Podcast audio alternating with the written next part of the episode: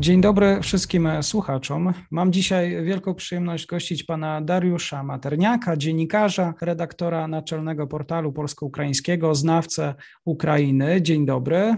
Dzień dobry. Przyznam, że miałem problem, jeżeli chodzi o znalezienie eksperta, który chciałby się wypowiadać właściwie na temat ruchu azowskiego, na temat grupy pułku Azow. Panie Dariuszu, dlaczego tak trudno się rozmawia w tych tematach, właśnie na temat tego projektu, tego ruchu w Polsce właśnie? Znaczy ja myślę, że to wynika z dwóch głównych przesłanek. Po pierwsze dlatego, że chyba e, mimo wszystko mimo jakiejś tam, nazwijmy to sobie, medialności tego środowiska, y, czy tej formacji zbrojnej, formacji wojskowej, ale także też formacji politycznej, bo też warto o tym wspomnieć, że to nie jest tylko formacja wojskowa, ale to jest też ruch polityczny, to jest partia polityczna. Mm, wydaje mi się, że mimo tego, że ona jest medialna, że ona się pojawia zwłaszcza w, źródła, w źródłach rosyjskich albo prorosyjskich, jako taki dyżurny straszak dotyczący kwestii ukraińskiego nacjonalizmu i związanych z nim zagrożeń, mimo wszystko wydaje mi się, że w Polsce jednak y, wiedza na ten temat, na temat tego, jak powstał, czy jak funkcjonuje y, ruch azowski i, i, i jest mimo wszystko chyba jednak dość niewielka, to po pierwsze.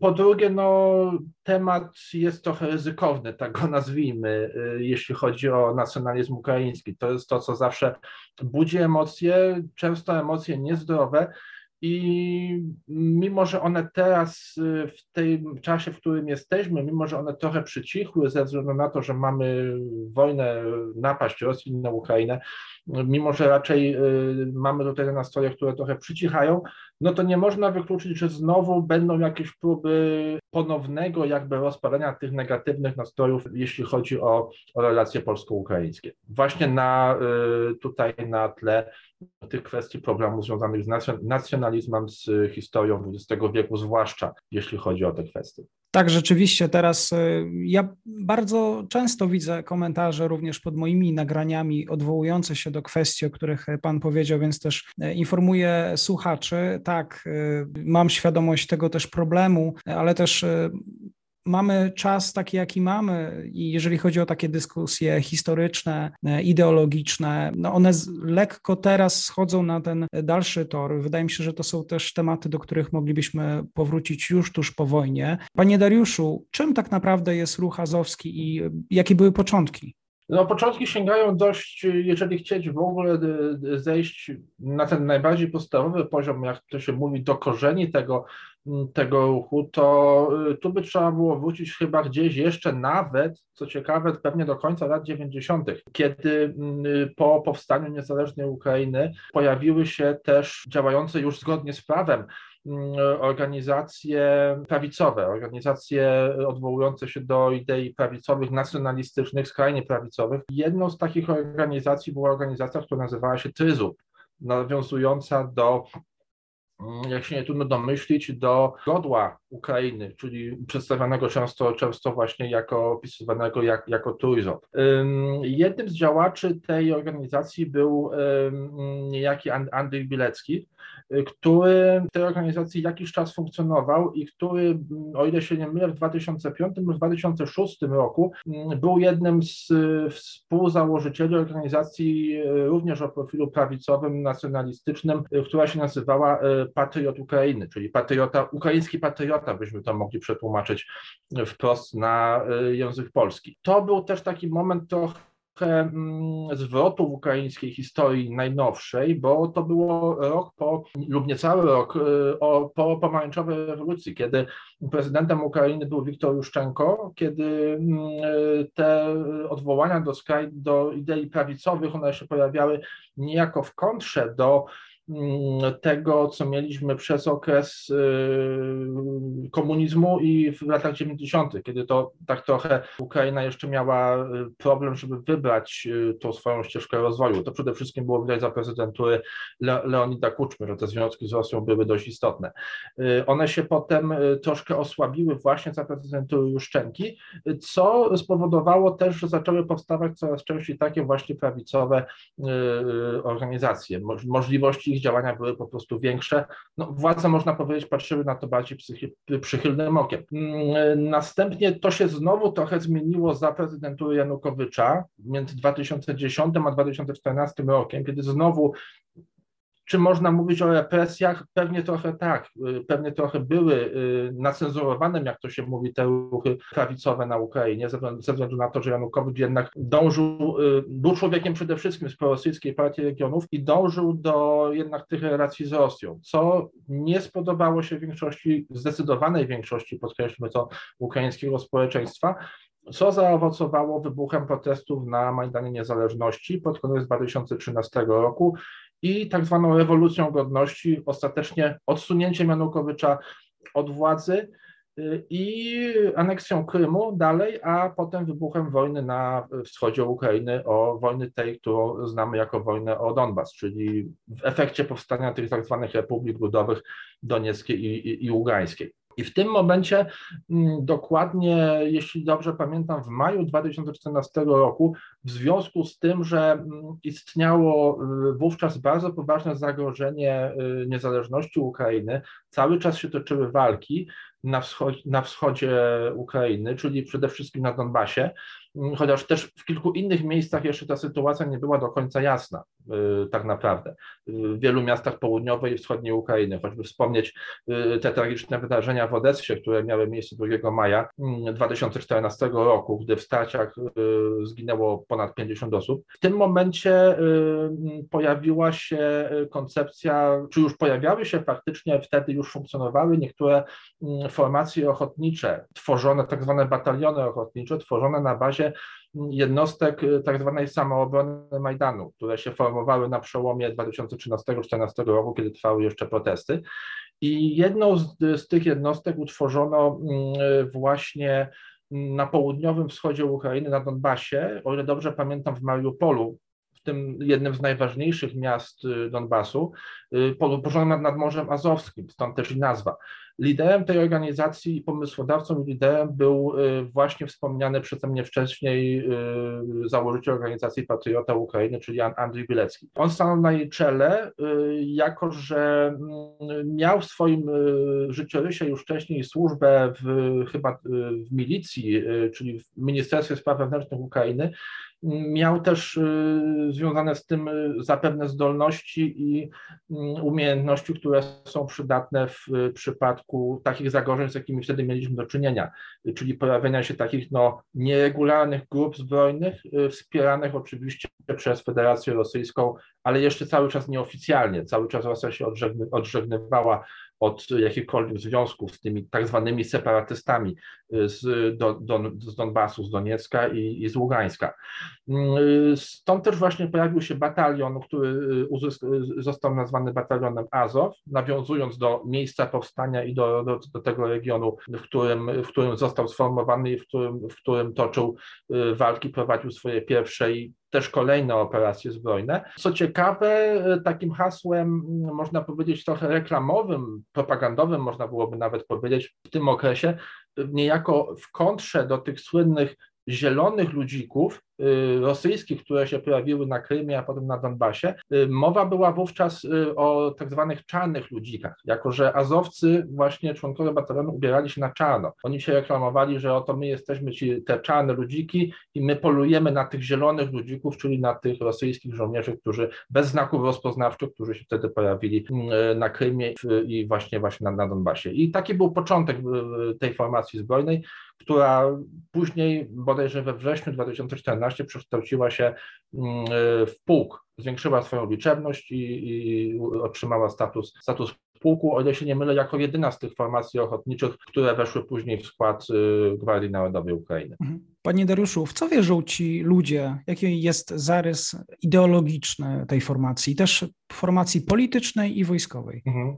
Jeśli chodzi o ideologię, to tutaj jest, pojawiają się dość często odwołania do idei skrajnie prawicowych, do idei nas, też nacjonalistycznych przede wszystkim do tego, co można znaleźć w tym nurcie mm, ukraińskiego nacjonalizmu. Co ciekawe, może niekoniecznie w kontrze, ale inaczej niż ma to w przypadku, mm, niż ma to miejsce w przypadku formacji tych skrajnie prawicowych, takich jak na przykład Partia Swoboda, która swoją, swoje korzenie ma w zachodniej części Ukrainy i która się odwołuje mm, czasami do na przykład Ukraińskiej Powstańczej Armii czy Organizacji Ukraińskich Nacjonalistów wprost, to w przypadku właśnie ruchu azowskiego oczywiście też się pojawiają nawiązania do ideologów ukraińskiego nacjonalizmu z okresu XX wieku, na przykład, czy nawet przede wszystkim, można by powiedzieć, do idei Dmytra Roncowa, to zdecydowanie bardzo mocny tutaj jest ten element e, antyrosyjski, mierzony w opór, w przeciwstawianie się Rosji, a z drugiej strony, co też jest e, dość, dość ciekawym podejściem, mm, jeśli wspomnieć tutaj o kwestiach międzynarodowych, o stanowisku wobec głównych jakby mm, problemów polityki zewnętrznej Ukrainy, to ruch sprzeciwia się zarówno integracji Ukrainy z Unią Europejską, jak i integracji y, z NATO, z Paktem Północnoatlantyckim. Bardzo mocno zaś występuje co do tego, żeby budować, y, tworzyć tutaj sojusz krajów y, znajdujących się w tej przestrzeni tak zwanej bałtycko-czarnomorskiej, czyli tak zwanego, na bazie idei tak zwanego Międzymorza, w którym to przedstawiciele ruchu azowskiego widzieliby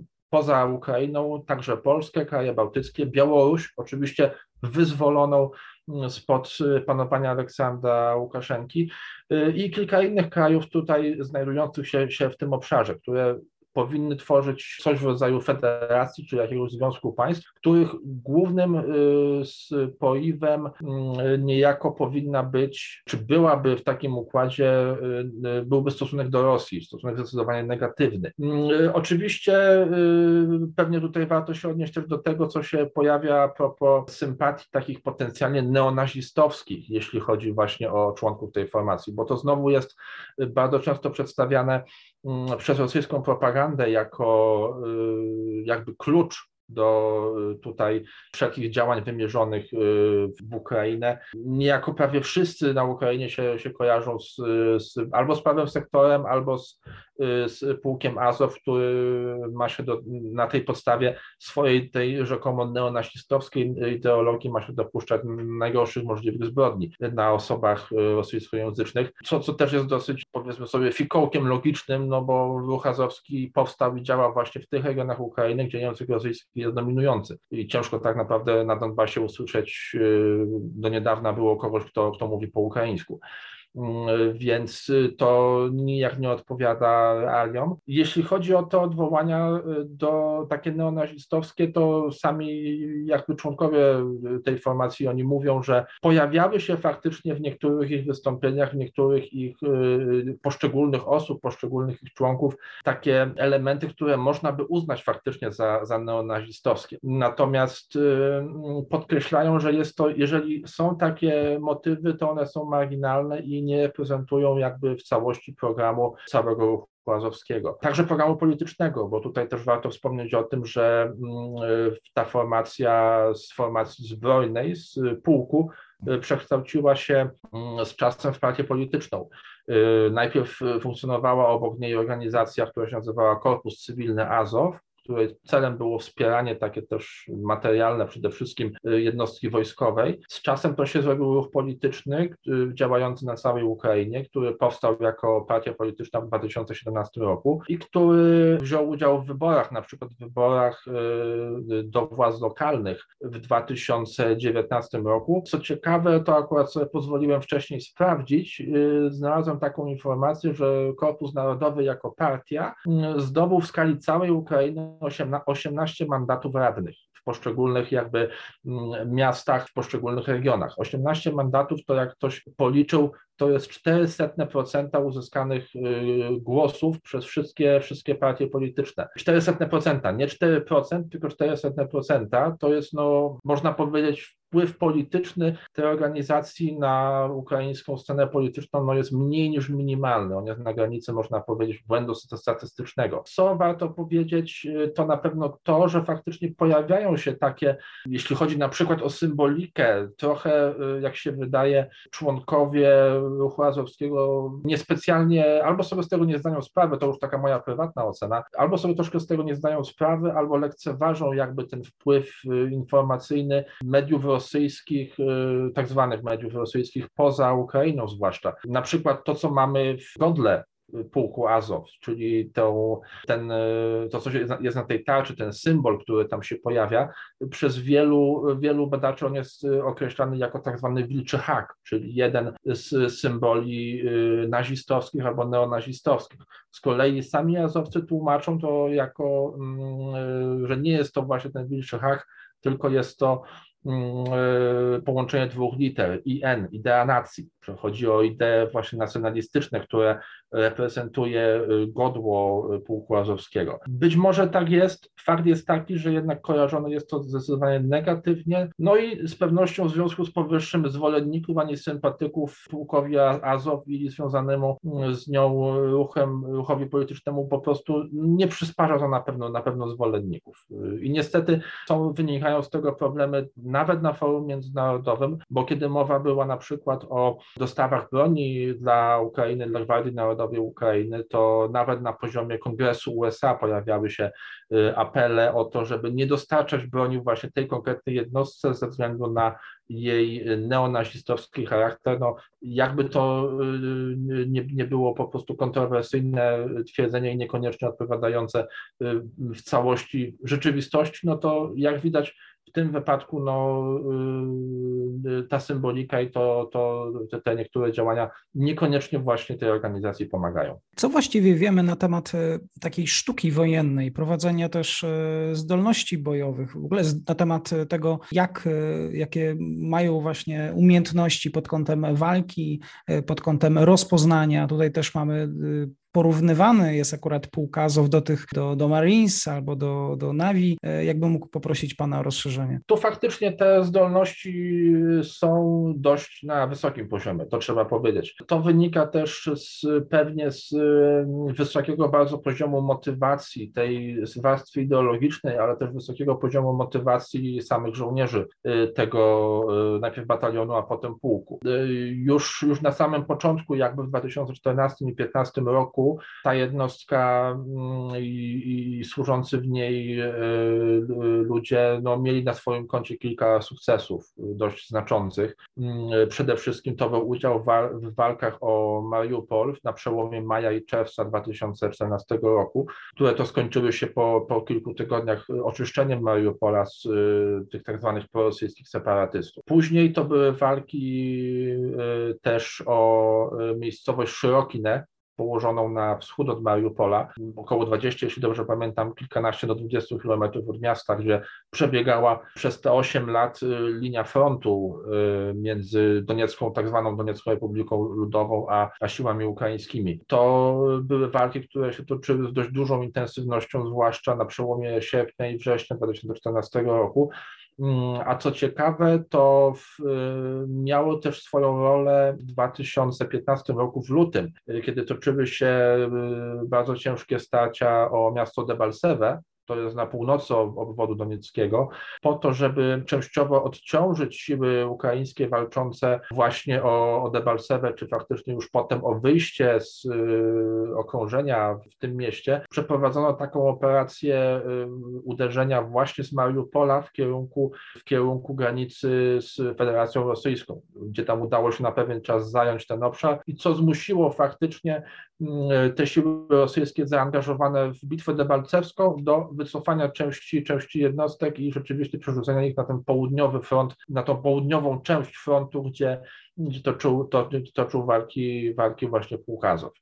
Y, faktycznie w ramach tej jednostki jest y, to już jakby przez kolejne te 8 lat y, trwającego konfliktu. Tam opracowano dość taki rozbudowany system rekrutacji, można powiedzieć selekcji, faktycznie wzorowany, jeśli, jeśli spojrzeć na to, jak się to odbywa, jak się ten proces odbywa mm, doboru kandydatów, poddawania ich różnym próbom, ćwiczeniom fizycznym i, i jakimś marszom kondycyjnym, kondycyjnym biegom i tak dalej, faktycznie wygląda, że jest to wzorowane mm, na selekcjach do jednostek specjalnych na, na zachodzie, takich jak na przykład rzeczywiście amerykańska, amerykańska Delta, czy, czy, czy brytyjski SAS, czy, czy wreszcie polski GROM. Faktycznie jest to na bardzo wysokim poziomie i też dobór kandydatów do tej formacji jest dość ostry. To owocuje z kolei do, później wysokim poziomem motywacji i wyszkolenia żołnierzy tej jednostki, co z kolei przekłada się na sukcesy już wymierne na polu walki. Tak jak teraz właśnie widzimy, w związku z tym, że Mariupol jest oblążony, od czasu do czasu tutaj się pojawiają też y, jakieś informacje na temat tego, w jaki sposób toczą się te walki, jak te walki wyglądają. To widać już na, przez, przez te pierwsze kilka, dwa chyba, czy, czy, czy, czy trzy tygodnie, no już teraz prawie trzy tygodnie e, trwa ten konflikt od 24 lutego. Przez ten czas e, jakoś strona rosyjska no, nie zanotowała tam jakichś poważniejszych sukcesów. Oczywiście tak, miasto jest oblążone, jest odcięte od reszty Ukrainy, Natomiast y, jest ostrzeliwane, ale kolejne próby szturmu podejmowane na początku od strony właśnie wschodniej, od miasta Szerokine, później od strony północnej i zachodniej po, po zajęciu przez siły rosyjskie Wolnowachy i, i Melitpola, no jak na razie się też y, spotykają z silnym oporem i, i strona ukraińska tutaj nie oddaje terenu i dość, dość sprawnie jest się w stanie bronić. Tam są dwa główne związki taktyczne właśnie poza Pułkiem Mazów to jest 36. Y, y, Brygada Piechoty Morskiej i chyba 56. Brygada Zmechanizowana. Łącznie te trzy jednostki bronią Mariupola. Natomiast bodajże wczoraj chyba to się pojawiła ta informacja, że zaangażowana tam była 150. Dywizja Zmechanizowana Sił Zbrojnych Federacji Rosyjskiej i właśnie w starciach z y, pułkiem Azow zginął dowódca tej jednostki mm, w randze generała majora. W tym momencie nie pamiętam nazwiska, ale faktycznie zostało to już przez kilka źródeł, źródeł potwierdzone. No i cały czas napływają te, te, te zdjęcia y, prawda, zniszczonych, spalonych y, rosyjskich kolumn, które próbowały wejść do miasta, a które zostały zatrzymane, zostały zniszczone właśnie w tych już walkach, walkach miejskich właśnie w samym Mariupolu. Mhm. Może jeszcze powinniśmy powiedzieć, jak liczna właściwie jest to grupa, jeżeli chodzi o też e, liczebność e, powiedzmy partii politycznej, bo też e, partią mhm. jest. Znaczy sam puch to jest chyba około, jeśli chodzi o takie pododdziały bojowe, to jest chyba około 2,5 do 3 tysięcy ludzi, ale w tym momencie takich dokładnych danych, danych to z pamięci nie jestem w stanie w tej chwili wskazać. Partia polityczna, ona jest, ona działa w skali ogólnoukraińskiej, ma swoje, mm, ma swoje struktury w całej Ukrainie. Oczywiście najsilniejsza jest wokół Mariupola i w centralnej części Ukrainy, trochę, trochę mniej w, w tej części zachodniej, gdzie gdzie raczej się pojawia, mm, gdzie jest też sporo sympatyków innych formacji y, prawicowych, takich na przykład jak, y, jak, jak Partia Swoboda. W skali całego kraju to jest chyba kilka tysięcy, co najmniej kilka tysięcy członków, plus pewnie dwa, trzy razy tyle y, sympatyków tej, tej formacji. Natomiast no, tak jak widać po wynikach wyborów, tych na przykład tych, choćby tych wyborów do, do władz lokalnych, no nie przekłada się to w żaden sposób y, na jakieś y, zorganizowane poparcie na tyle duże, żeby ta formacja była w stanie mieć na przykład swoją reprezentację w Radzie Najwyższej Ukrainy. Ewentualnie wydaje mi się, że w którychś wyborach, nie pamiętam tylko w którym roku właśnie y, lider tej formacji, czyli Andrzej Bilecki zdaje się był wybrany o ile dobrze pamiętam, do Rady Najwyższej w okręgu, w okręgu jednomandatowym, ale, y, ale, ale nie przekłada się to w każdym razie na y, takie poparcie, które by umożliwiało wejście Korpusowi Narodowemu do Rady Najwyższej Ukrainy. Tutaj też pojawia się pytanie, e, jaka, jak wygląda ta rzeczywistość, taka może jeszcze przedwojenna, e, ludzi, którzy są zrzeszeni pod e, sztandarem Azow. Czy wiemy, co to są za ludzie, jak wygląda ich ta codzienność, czy, czy to są po prostu zwykli Ukraińcy? No raczej tak, raczej to są, to, są, to są zwykli Ukraińcy. Na pewno po 2014 roku ta popularność idei prawicowych, ona na pewno wzrosła. Na pewno coraz więcej się pojawiło i pojawia się nadal i pewnie będzie się pojawiać odwołań do takich idei właśnie związanych z prawicą, do idei patriotycznych, czasem też nacjonalistycznych, no bo tutaj mamy jednak formację, która się pozycjonuje jako formacja nacjonalistyczna, więc dużo, można powiedzieć, bardziej radykalna niż typowa partia prawicowa. Y, chociaż też to trzeba zauważyć, że tutaj mamy, jeśli chodzi o między Polską a Ukrainą, tutaj mamy y, pewną y, też rozbieżność, jeśli chodzi o pojęcie. W Polsce, jeżeli zapytać, stwierdzić o kimś, że jest nacjonalistą, to w tym momencie jednak na myśl nam najczęściej przychodzą ludzie o bardzo skrajnych poglądach, wręcz niebezpiecznych, wręcz nieraz pewnie rasistowskich, takich, których należałoby, którzy zasługują w jakiś sposób na ogólne potępienie, tak jakby to czasami nie było, nie było grubą przesadą. W każdym razie y, u nas y, w Polsce jednak pojęcie nacjonalizm kojarzy się źle. Na Ukrainie jest inaczej. Tam y, nacjonalizm w wydaniu czy to właśnie ruchu Azowskiego, czy na przykład Partii Swoboda, czy jakiejś innej formacji prawicowej, nacjonalizm jest raczej bardziej synonimem polskiego pojęcia patriotyzmu niż uznawaniem czegoś, niż czy, czymś negatywnym, czymś złym, coś, czymś, co należałoby w jakiś sposób zwalczać albo albo piętnować. Więc na pewno też warto o tym pamiętać, jeżeli w tym momencie rozmawiamy albo słuchamy czegoś na temat współczesnych formacji, które siebie nazywają na, na Ukrainie współczesnymi nacjonalistycznymi. Czy wiemy coś na temat y, tego, jak traktują Polskę, jaki mają stosunek do Polaków, właśnie członkowie mhm. Grupy Azow? Tak, i to jest właśnie bardzo ciekawe, bo y, tu, jak już wspomniałem na początku, się bardzo często pojawiają, jeśli chodzi o politykę międzynarodową, te odniesienia do idei tak zwanego międzymorza, y, czyli bardzo mocno występują właśnie jako zwolennicy idei międzymorza, budowania sojuszu pomiędzy państwami tutaj naszego regionu Europy, położonych, położ, państwami położonymi pomiędzy, pomiędzy Morzem Bałtyckim a Morzem e, Czarnym. No oczywiście z główną rolą tutaj Ukrainy, ale też i Polski jako dwóch e, najbardziej, największych i posiadających największy potencjał krajów znajdujących się w tym regionie. Co ciekawe natomiast, jeśli chodzi też o mm, już takie bardziej konkretne, konkretne działania, to warto tutaj wspomnieć o dwóch takich rzeczach. Y, w momencie, kiedy bodajże w 2018 roku się zrobiła dość duża dyskusja na temat y, rzeźb, y, jakie się pojawiły, jakie były kiedyś przed II wojną światową na cmentarzu Łyczakowskim w Lwowie, czyli, tak, czyli cmentarzu Orląt, chodzi o, o rzeźby lwów które y, znajdują się na, y, na tym cmentarzu, które zostały tam y, przywiezione bodajże w 2015 roku, ale które do tego momentu jeszcze nie są odsłonięte, jako że zdaniem części ukraińskich polityków tego szczebla lokalnego i regionalnego one reprezentują mm, idee antyukraińskie. To chodzi tam o symbolikę, która jest umieszczona na, na tych y, lwach, czy w zasadzie na tarczach, które, które, które są przez nie, przez nie trzymane. Pojawiła się w tym czasie, gdzieś w 2018 roku, właśnie uchwała Rady Obwodowej, ażeby w ogóle usunąć y, te rzeźby z tego, z tego cmentarza.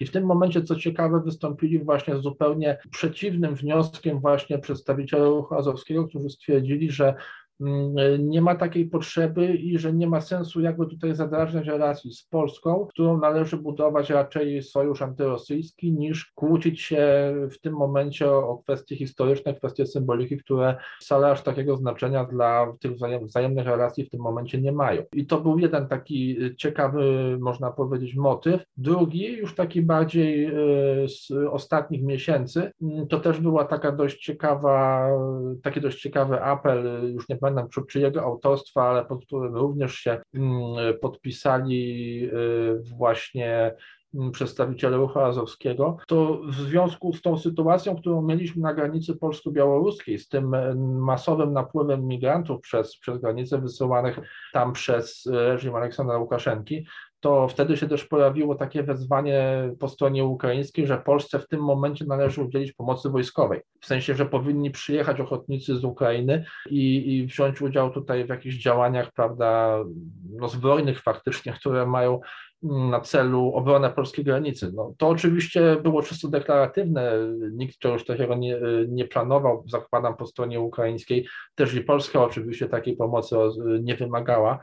Natomiast to jakby też w ciekawy sposób prezentuje, jakby postawę prezentuje to, w jaki sposób właśnie Ruch widzi te relacje, te relacje z Polską i widzi swoją, swój program, można powiedzieć, w polityce międzynarodowej. To jeszcze tak na koniec, e, chyba taką geopolityczną racją stanu Azowa jest w ogóle taka odbudowa potencjału militarnego państwa ukraińskiego. Jest również to, co się dzieje, dzieje na Krymie od 2014 roku i te, ta relacje, te relacje też z Rosjanami jeszcze przed wojną, tak, ale kiedy Rosjanie będą osądzeni w Trybunale Międzynarodowym, e, również i do tego czasu zamrożenie wszelakich kontaktów, kontaktów handlowych, budowanie swego rodzaju dumy narodowej i przywrócenie integralności terytorialnej. Tutaj się też. Pan zgodzi? Tak, jak najbardziej. Już na etapie mm, jakby e, powstawania partii politycznej, y, czyli Korpusu Narodowego, y, w ramach ich programu się pojawiło właśnie wezwanie do tego, aby w ogóle zerwać jakiekolwiek stosunki dyplomatyczne z Rosją, żeby zerwać stosunki handlowe y, i żeby przywrócić je dopiero w tym momencie, kiedy Rosja się zdecyduje na to, że zwróci Ukrainie te zagrabione tereny, czyli Donbas i Krym oraz wypłaci odszkodowania, czyli reparacje wojenne za to, za te wszystkie szkody, które zostały poczynione przez te 2008, y, przez te kilka lat, bo wtedy to był 2017 rok, przez te kilka lat y, wojny, która się toczyła wówczas przez już, już, już 3 lata. I, I faktycznie no, te żądania zostały utrzymane, one są utrzymane do tego momentu, no teraz siłą rzeczy pewnie będą jeszcze bardziej uzasadnione.